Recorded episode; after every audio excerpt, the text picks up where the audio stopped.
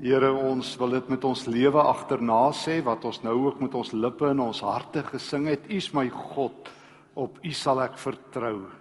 Dankie Here dat ons kan sing oor U genade, oor U goedheid, oor U eindelose liefde. Deel dit opnuut vanoggend met ons. Ontmoet ons hier waar ons is en neem ons na U nuwe plek toe. Word verheerlik, Here. Laat U naam glinster en skyn en skitter terwyl ons ook uit die woord uit lees en daaroor nadink. Ons vra dit in die groot naam, die enigste naam, die naam van Jesus Christus, die Here. Amen.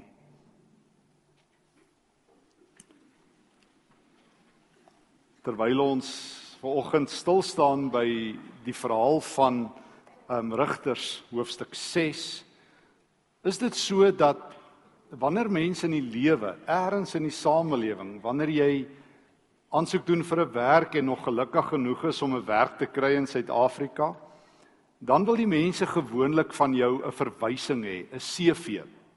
Hulle wil weet wat is jou kwalifikasies?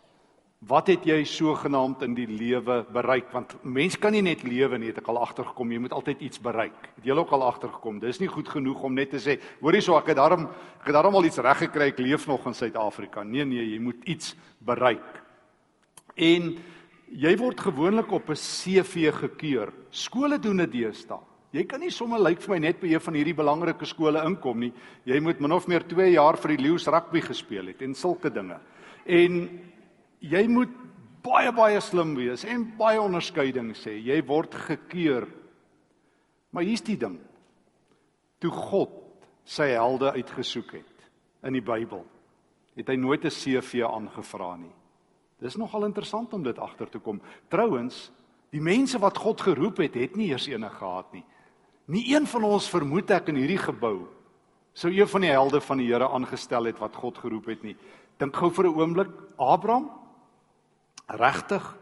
Gaan jy nadat die wêreld in duie stort, nadat die toring van Babel gebou is in Genesis 11 en die mensdom hulle uiterste bes probeer om God te ontroon deur 'n patetiese klein toringkie te bou wat hulle dink die hemel gaan tref, is God se antwoord op die sonde van die wêreld 'n oom van 75. En dan roep God hom uit pensioen uit en hy en die tannie begin loop. En dis nie sommer net asof hulle loop en nou doen hulle groot dinge vir die Here nie. 25 jaar stap die oom en die tannie voordat God dink nou kan hy iets met hulle doen. Dis nogal 'n ding, né? Sou ons vir Abraham geroep het. Ek dink nie so nie. Moses. Eksodus 3. Hy is 80, hy's nog ouer. Hy was 40 jaar 'n prins en nou is hy 40 jaar in die woestyn om net al sy geite uit hom uit te stap, sy moeilike geit en sy arrogant geit en nou op 80 kry die Here hom. En nou roep die Here hom en sê jy gaan my volk bevry. Regtig? Op 80 Die man om teen die magtige farao, die wêreldheerser, die supermoondheid van die dag op te staan, die oom van 80, regtig? En hy kan nie eers praat nie, hy hakkel. Ek sê altyd sy broer se naam was Aaron, maar hy het hom Aaron genoem want Moses kon nie lekker praat nie. En En as God vir Jesaja roep, die groot profeet, wanneer die Assiriërs ook dreig die volk van Israel daar in Jerusalem by te staan, En hy roep Jesaja, dan moet Jesaja in hoofstuk 6 sê, Here, elke woord op my lippe is onrein. U verstaan nie, Here, ek het 'n vuil mond. Ek kan nie vir u praat nie. En as hy Jeremia roep, wanneer die Babiloniërs kom, dan sê Jeremia, Here, u het 'n fout gemaak. Ek is te jonk. Ek is te jonk. Ek is nog nog in daai tyd wat wat Here ons is nog 'n bietjie onvolwasse. Wat kan ek vir u doen? Maar weet julle, die mees nuttelose mens wat God roep, dink ek in die Bybel, is Gideon.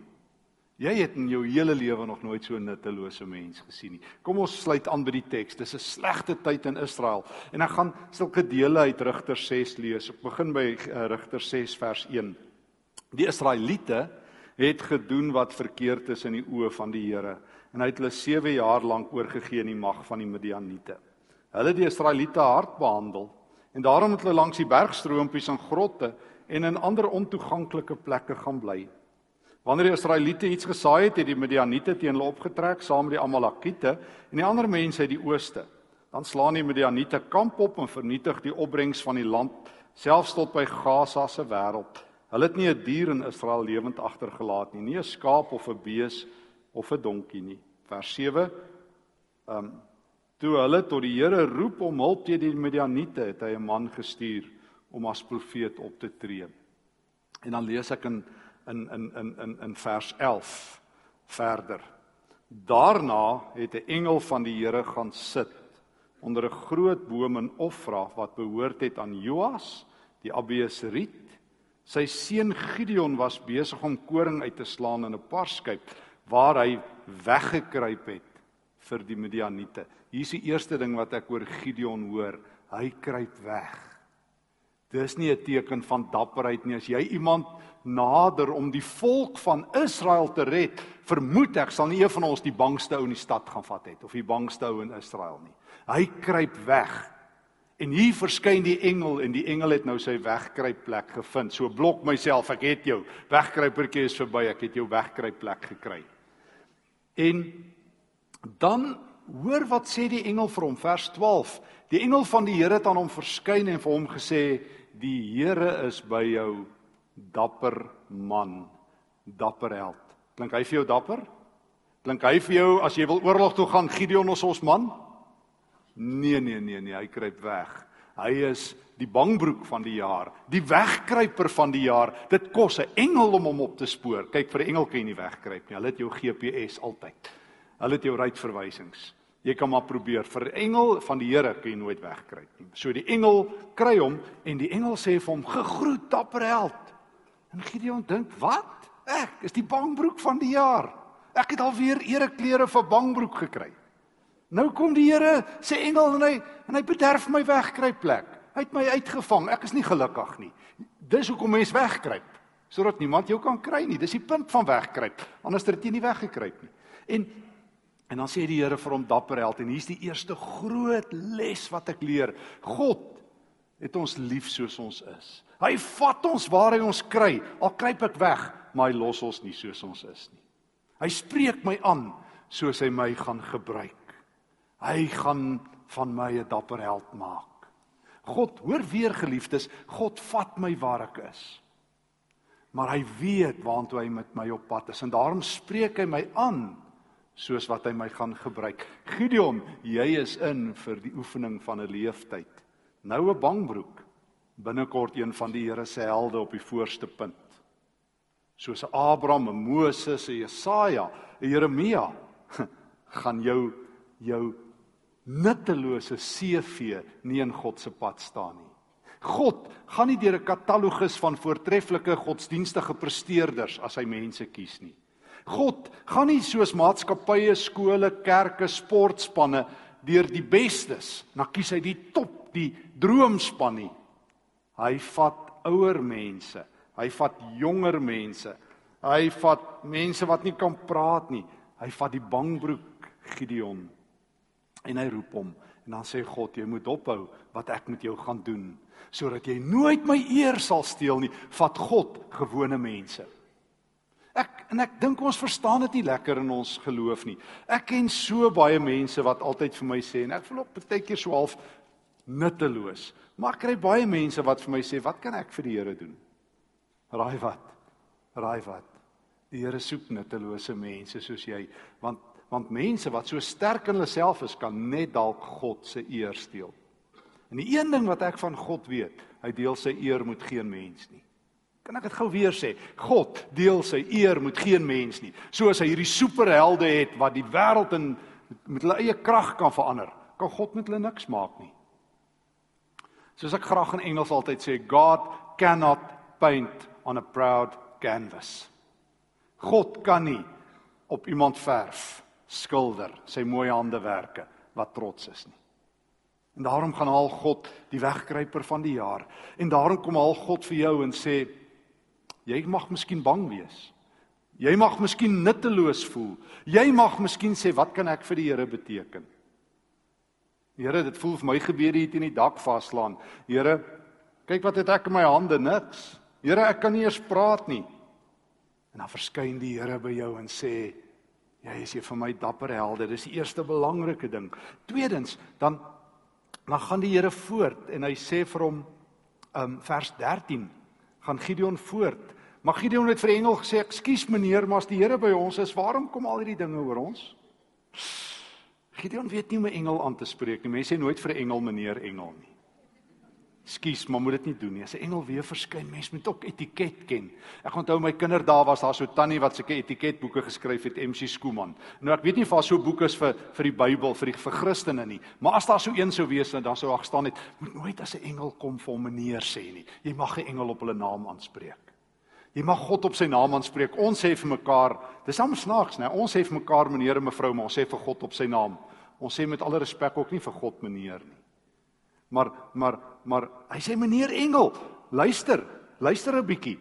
As die Here by ons is, waarom kom al hierdie dinge oor ons? Waar is al sy magtige dade waarvan ons voorvaders ons vertel het, hulle gesê het, het die Here ons nie uit Egipte bevry nie? Nou die Here ons in die steek gelaat. Hy het ons oorgegee in die mag van die Midianiete. Meneer Engel, dit lyk nie of ek glo nie, hoor. Kom jy dit agter? Dis nie 'n gelowige eintlik nie. Dis 'n twyfelaar. Dis nog skokkender. God vat 'n bangbroek en 'n twyfelaar. Ten minste glo Gideon nou nie 'n barshou vir die Here nie. Ten minste is hy 'n twyfelaar, ten meeste selfs 'n ongelowige. Hy stel nie aan God belang nie. Hy sê meneer Engel, nou waar's die Here van wie jy my nou kom vertel? Ek kruip weg, maar dit lyk vir my hy kruip ook weg. So waar's die Here? Dis 'n skok. Gideon die bangbroek Gideon die twyfelaar En hoor, hoor, hier's die tweede groot les. Vers 14. Toe die Here na Gideon toe gedraai en vir hom gesê: "Gaan met die krag wat jy het." Gideon sê: "Wat 'n krag? Wat 'n krag?" Lyk dit vir jou of ek krag is? Lyk vir lyk dit vir jou of ek baie geestelike kilowatt uitskop? Lyk dit vir jou of die wêreld bewe as Gideon aankom van geloof? Lyk dit of al die berge skuif? Nee, hulle staan, hulle skuif nie. Gideon het niks geloof nie. En u sê: "Gaan met die krag wat jy het." Maar hier's die tweede les. God se krag word geopenbaar in sy sending. Jy moet nooit God se krag verkeerd verstaan nie. Ek dink daar's baie misverstande oor hoe God se krag werk in die kerk. Baie van ons dink jy moet eers so elektriese skok voel van die Heilige Gees dan jy krag. Jy moet eers soos geestelike Arnold Schwarzenegger lyk like voor die krag het. Jy moet eers groot wonderwerke vir die Here doen voor die krag het. God sê nee. In, hoor mooi, in my roeping lê jou krag. Ek het die krag, nie jy nie. Ek het die krag sê die Here, nie jy nie. En ek stuur jou met die krag wat jy het, bedoelende gaan met jou swak krag, God sal deur jou skyn. Kan ek dit net so verduidelik? Ons almal het krag op 'n manier, ons weet dit net nie. As jy miskien vir 'n operasie gegaan het al of iemand ken wat vir 'n operasie gegaan het, is een van die uitdrukkings wat mense baie gebruik. Sê nou maar iemand het 'n knieoperasie of 'n hartoperasie, dan hoor jy mense sê hulle sterk goed aan. Het jy dit al gehoor?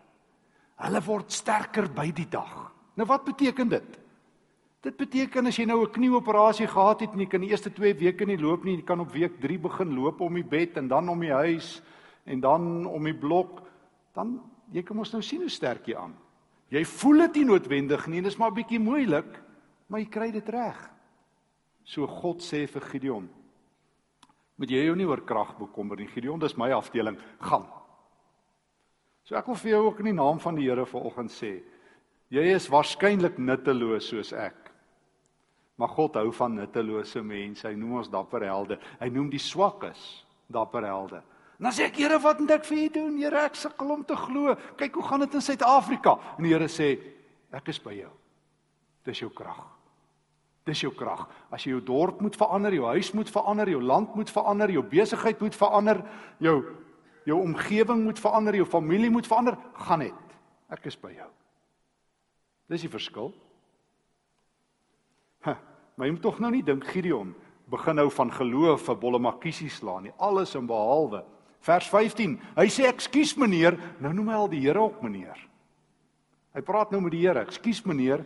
Um, Hy sê maar maar waarmee sal ek die Israeliete nou gaan verlos? Het jy nou gesien ek het nou nie 'n klomp masjiengewere in my hand en 'n klomp soldate agter my nie. En nog om alles te kroon, die familie waarin ek behoort is die armste in die hele Manasse en van my pa se kinders het ek die minste aansien. Sjoe.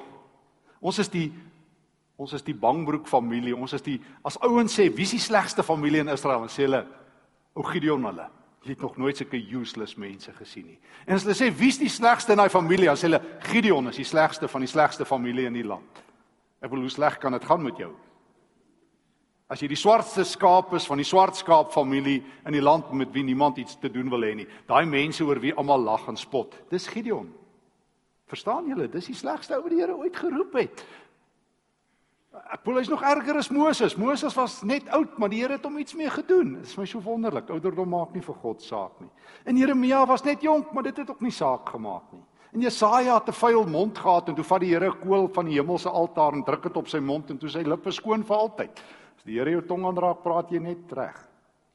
Maar Gideon en hy het alweer 'n verskoning en dan dan dan kom vers 16 die Here sê vir hom um hy het geduld en dis die derde ding wat ek leer God het geduld met ons want want want as jy swak is en jy sukkel en jy verstaan nie mooi nie dan gaan jy baie keer God verkeerd kry Maar God het geduld. Hy sê luister Gideon, ek is by jou.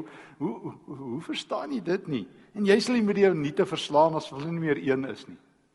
Gideon het niks in sy hande nie. Hy het geen krag nie. Hy het geen naam nie. Hy het geen reputasie nie. Wie sal hom volg? Hy het geen CV nie. Hy kan nie 'n weermag bymekaar maak nie. Maar die Here sê, ek het geduld met jou. Ag en dan doen Gideon 'n wonderlike ding in sy in sy dwaasheid nooi hy die Here vir 'n ete. En dis die enigste keer, ek dink as ek nog so keer of wat, maar as van die enigste kere in die Bybel dat God bereid is om vir iemand te wag. Ons moet mos nou gewoonlik op die Here wag, onthou julle. Die Here sê mos wag op my. Maar nou sê Gideon, uh, uh, as hy nou nie omgee nie, as hy so vriendelik wil wees, vers 17, dat ek dan net seker kan maak u is regtig die Here, moet asseblief nie weggaan nie. Ek gaan nou vir u ete voorberei. En ek dink die Here sit en so glimlag en sê nee, dis reg Gideon, ek sal vandag op jou wag. En dan gaan dan gaan vat Gideon, jy kan dit nou lees in vers 19, 16 kg meel. Hy dink die Here is baie honger. 16 kg meel se brood bak hy vir die Here. En hy slag 'n um, 'n bok wat ook al, hy slag 'n dier vir die Here en hy pak dit in 'n mandjie Nee, kyk Gideon bring vir die Here 'n groot eet. Hy dink as dit die Here is, gaan hy groot eet vandag. En hy nooi die Here vir 'n ete. God het geduld met Gideon. Maar weet julle wat's vir my mooi? Hy's bereid om saam met hom te eet. God is nie net 'n taakgeoriënteerde God nie. Hy's 'n God van verhouding. Hy geniet hierdie swak kind, hierdie wegkruip kind, hierdie swak familiekind, hierdie ou wat nie 'n reputasie het nie en wat so kom tot geloof. Die Here sê: "Ag Gideon, Ek wil bietjie saam met jou eet. Net soos Jesus. Hy wil graag saam met ons eet. Hy doen dit. Onthou jy baie keer het Jesus saam met mense geëet? Hy hy wil nie net hê ons moet dinge vir hom doen nie. Ons is baie keer so taakgeoriënteerd. Ons wil die wêreld vir die Here verander, dan sê die Here, kom net 'n bietjie tot rus en eet saam met my. Onthou julle vir Martha en Maria daar in Lukas 10 vers 38 tot 42? Daai Martha hardloop rond want sy kook mos nou vir Jesus se kos. Sy wil die eerste Christen Masterchef toekenning van die jaar wen. Sy hardloop hier en daar en deur. En en dan sê Jesus, "My liewe Martha, kom sit net hier aan my voete. Doen wat Maria gedoen het jou suster. Kom net tot bedaring. Ek wil bietjie met julle kuier." Die Here wil bietjie kuier met ons. Ek leer dus God vat my soos ek is maar hy sal my verander om my te bring waar hy my gaan gebruik. So jy moet weet God is met jou besig.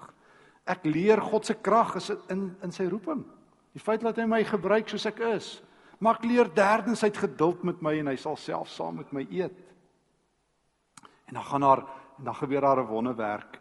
As daai kos neergesit word, kom die engel van die Here en steek dit alles aan die brand en dan skrik Gideon hom in 'n ander bloedgroep in dan besef hy o, wêreld, hierdie is regtig die Here en nou sê hy 'n groot moeilikheid en dan sê die Here nog steeds ek het begrip vir jou Gideon, kalmeer.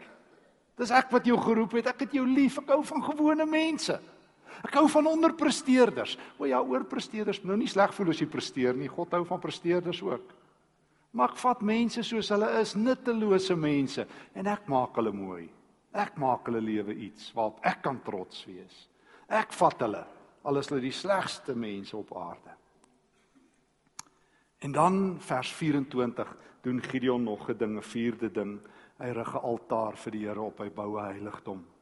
Die eerste keer in sy lewe van 'n wegkruiper tot 'n altaarbouer vir God. Hy bou 'n altaar vir die Here, hoor net. Gideon het net daar 'n altaar vir die Here gebou en dit genoem die Here gee rus. Sjoe. Kan ek dit weer, kan ek dit net weer vir jou sê want dis waarvoor die Here ons in die eerste plek roep om vir hom 'n altaar op te rig in ons lewe. Die Here gee rus. Ek moet op elke plek 'n geestelike altaar bou vir die Here wat uitroep in Suid-Afrika, die Here gee rus. Voordat Gideon iets gaan doen, voordat hy die Midianiete gaan verslaan, moet Gideon eers rus hê. Bangbroek, onthou as mens wegkruip as jy is jy nie rustig nie. Jy al agtergekom as jy bang is, het jy nie vrede nie. Vrees en en rus is nie vriende nie, is nie bure nie. Bly nie saam nie. Maar die oomblik as die lewende God opdaag, die oomblik as jy die lewende God ontdek, as die lewende God sê ek is by jou dapper held, ek stuur jou om vir my te werk. Dis nie jou werk nie, dis my werk. Ek is by jou. En ek sal saam met jou eet en ek sal jou hart rustig maak. En jy moet my vereer. Dan sit Gideon 'n altaar op. Die Here gee rus. Van 'n bang man tot binne ure 'n rustige man. Ek weet nie waar jy op jou reis met die Here nie. Dalk voel jy ook om weg te kruip. Ek voel baie keer in Suid-Afrika kan ons net wegkruip en hoop ergens sal iets beter word. En en en en en as ons net kan oorleef Maar God is ook in 'n tyd en in 'n plek soos hierdie en in Gideon se dae gaan dit 'n miljoen maal erger as tans in Suid-Afrika. Daai mense word soos diere behandel, almal. En en hier kom God en hy roep een man. En hy sê ek wil jou sê jy moet rus hê. Kom tot rus. En dan dan eers begin die Here vir hom sê wat hy moet doen. Eerste ding wat Gideon moet doen en dis ons vyfde punt. God gebruik ons waar ons is om die afgode uit te roei. Hy sê Gideon jou pa, jy moet dit nou gaan lees in die teks. Ehm um, daarvan af vers 25 af. Jou pa het 'n altaar vir die afgod Baal, Baal. Gaan breek dit af, vat die hout waarmee daai palle gebou is en gebruik dit om ehm um, vir my iets in sy plek te bou vir die Here. Uh gaan bou, gaan breek dit af en bou 'n altaar vir God. En dan doen Gideon dit. Hy kap sy pa se Baal altaar af, So met ander woorde, wat doen wat vra die Here? Hy sê begin daar waar jy is in jou alledaagse lewe. Rig heiligdomme vir die Here in jou alledaagse lewe op. Want nou vra baie mense, nou wat moet ek vir die Here gaan doen? Verander jou huis in heiligdom. Bou geestelike altare vir die Here, kom tot rus. Maar omskep elke plek waar jou voetspore is en waar jou vingerafdrukke is vir die Here. Waar jy is, laat die Here se teenwoordigheid daar skyn. Waar jy aan 'n tafel sit, laat die mense weet daar's 'n man of 'n vrou van die Here. Waar jy in 'n kantoor is, laat hulle weet een van die Here se mense is aan diens. Jy's nie afdiens en net Sondag aan diens nie, jy's altyd aan diens vir die Here. En en en baie keer is dit swaar. Want Gideon moet nou sy pa se tweede beste bil gaan doodmaak, jy moet dit weet. Dis nogal ek kan dink sy pa die oggend wakker geword en daar sy prysbil weg. En Gideon sê en sy pa vra waar is hy? Sê is aan die Here gewy, pa. Baal is dood. Dis nou die lewende God. En waar is die Baal altaar? Ek het dit afgekap en met daai dooie hout vir die Here altaar gebou vir die lewende God. En as die dorpsmense kwaad en klink soos Suid-Afrika hulle wil betoog en Gideon vermoor en blou en dan dan gryp die Here in. Dan gryp die Here in. Dan sit aangrypend om te hoor in ons laaste en sesde punt.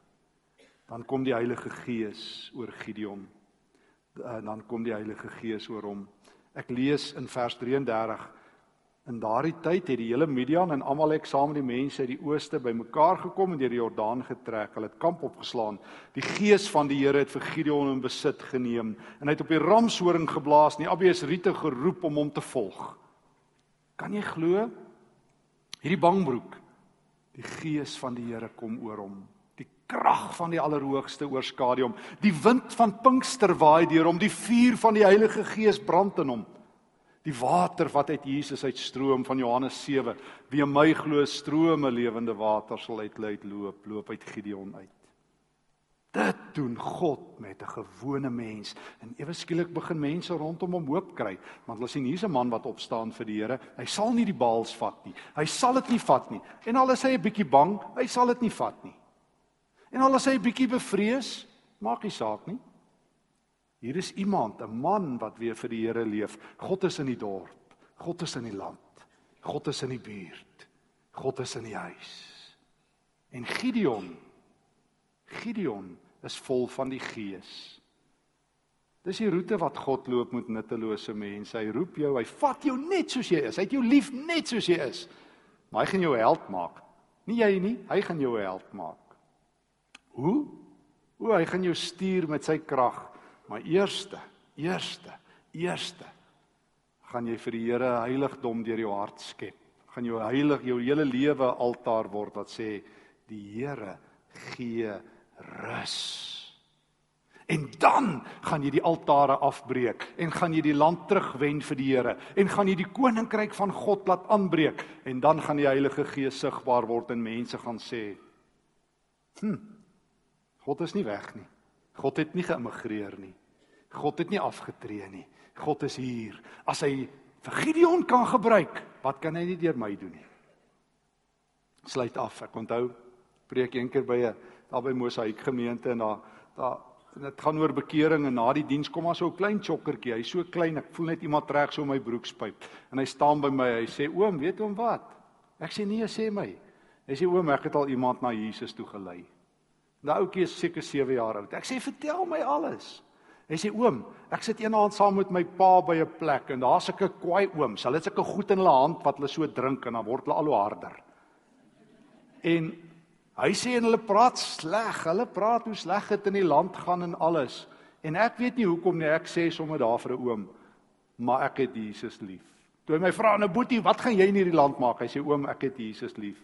En daar begin daai oom te huil. Hy sê, "As hierdie mannetjie in Jesus kan glo, kan ek ook." En hy sit daai snaakse glas neer en hy begin glo. En toe dink ek, dit klink soos Gideon. As God klein kinders kan gebruik, as hy suigelinge kan gebruik, as hy pensionarisse kan gebruik, as hy hakkelaars kan gebruik, as hy mense met vuil monde kan gebruik, as hy die armste ouetjie van die armste familie wat nie glo nie in Israel kan gebruik, wat kan God nie deur jou doen nie? Staan op en gaan leef vir die Here. Amen. Terwyl ons onsself instel om ons ook oop te stel om hierdie woorde van die Here te hoor, is daar 'n lied wat ons gaan begelei. En en stel jou ook oop om saam met hierdie lied die Here te hoor.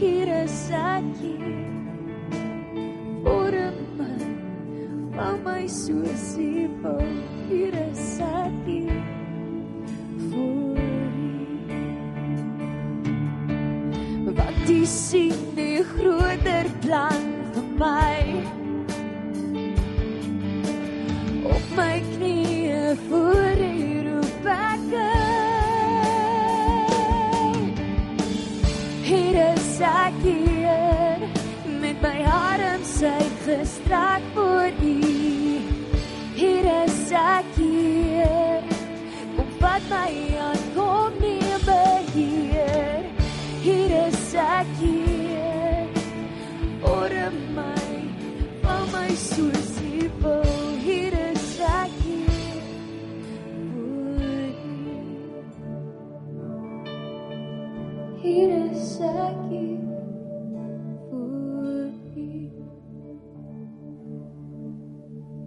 Dankie Here dat ons so voor U kan staan. Dankie dat U my wegkry plek gekry het vanoggend. Dankie Here dat ek kan vlug, maar nie wegvlug nie, kan hardloop, maar nie weghardloop nie. Dankie dat U helder lig skerper is as die donkerste donker. Hier is ek, Here. Hier is ek, moeg gevlug, moeg gehardloop, Ek is U sinne Here. Laat U krag my oorskadu. Here, laat U Heilige Gees my vervul. Laat ek deur my lewe 'n heiligdom oprig wat uitroep vir almal in Suid-Afrika: Die Here gee rus. Dankie dat ek dit mag ontvang in Jesus naam. Amen.